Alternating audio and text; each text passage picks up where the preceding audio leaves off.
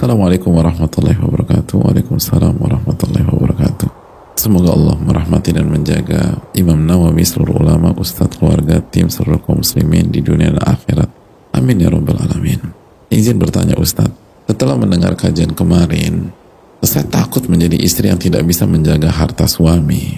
Ketika suami sedang berada di luar rumah, catatan beliau lebih banyak di rumah sehingga mengetahui paket yang datang.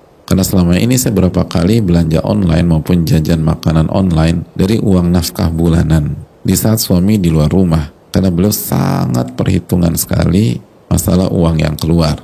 Sering menginterogasi dan menimbulkan selisih pendapat ketika ada paket yang datang. Dan inilah yang menjadi tujuan saya agar terhindar dari perselisihan. Padahal barang tersebut saya memerlukannya dan insya Allah tidak berlebihan dalam nominal yang masih wajar sesuai nafkah yang diberikan Mohon saran bagi saya dan penjelasannya Ustadz apakah saya termasuk istri yang tidak dapat menjaga harta suami Hadirin Allah muliakan, ketika suami memberikan nafkah kepada istri, maka itu sudah menjadi hak istri. Kalau istri membelanjakan yang halal, apalagi itu kebutuhan, maka insya Allah termasuk ke dalam hafidhatul ghaibi dan tidak makan harta suami. Bahkan kita tahu dalam hadis Bukhari Muslim, ketika Hindun datang ke Rasulullah Sallallahu Alaihi Wasallam, jaat Hindun ilan Nabi Sallallahu Alaihi Wasallam Lalu Hindun mengatakan, Ya Rasulullah, Inna Abu Sufyan rajulun syahih. Sesungguhnya suamiku Abu Sufyan itu orang yang yang sangat ketat dalam masalah uang. Agak pelit gitulah. La yu'tini ma yakfini wa waladi.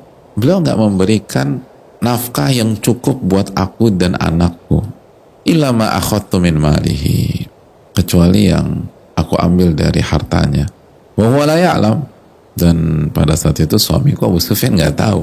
Jadi Hindu ini ngambil harta suaminya radhiyallahu ta'ala dalam kondisi suaminya nggak tahu.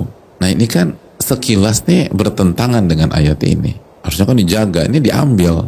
Apa kata Nabi SAW khudhi ma yakfiki wa waladiki bil ma'ruf silahkan ambil harta beliau untuk kebutuhanmu dan anakmu tapi dengan catatan dengan ma'ruf.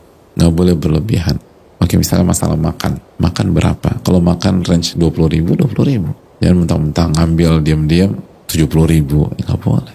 Ini menunjukkan bahwa kalau itu memang untuk kebutuhan primer istri kebutuhan hidup istri bahkan ambil diam-diam pun diperbolehkan oleh Nabi SAW apalagi itu dari nafkah yang sudah diberikan yaitu hak istri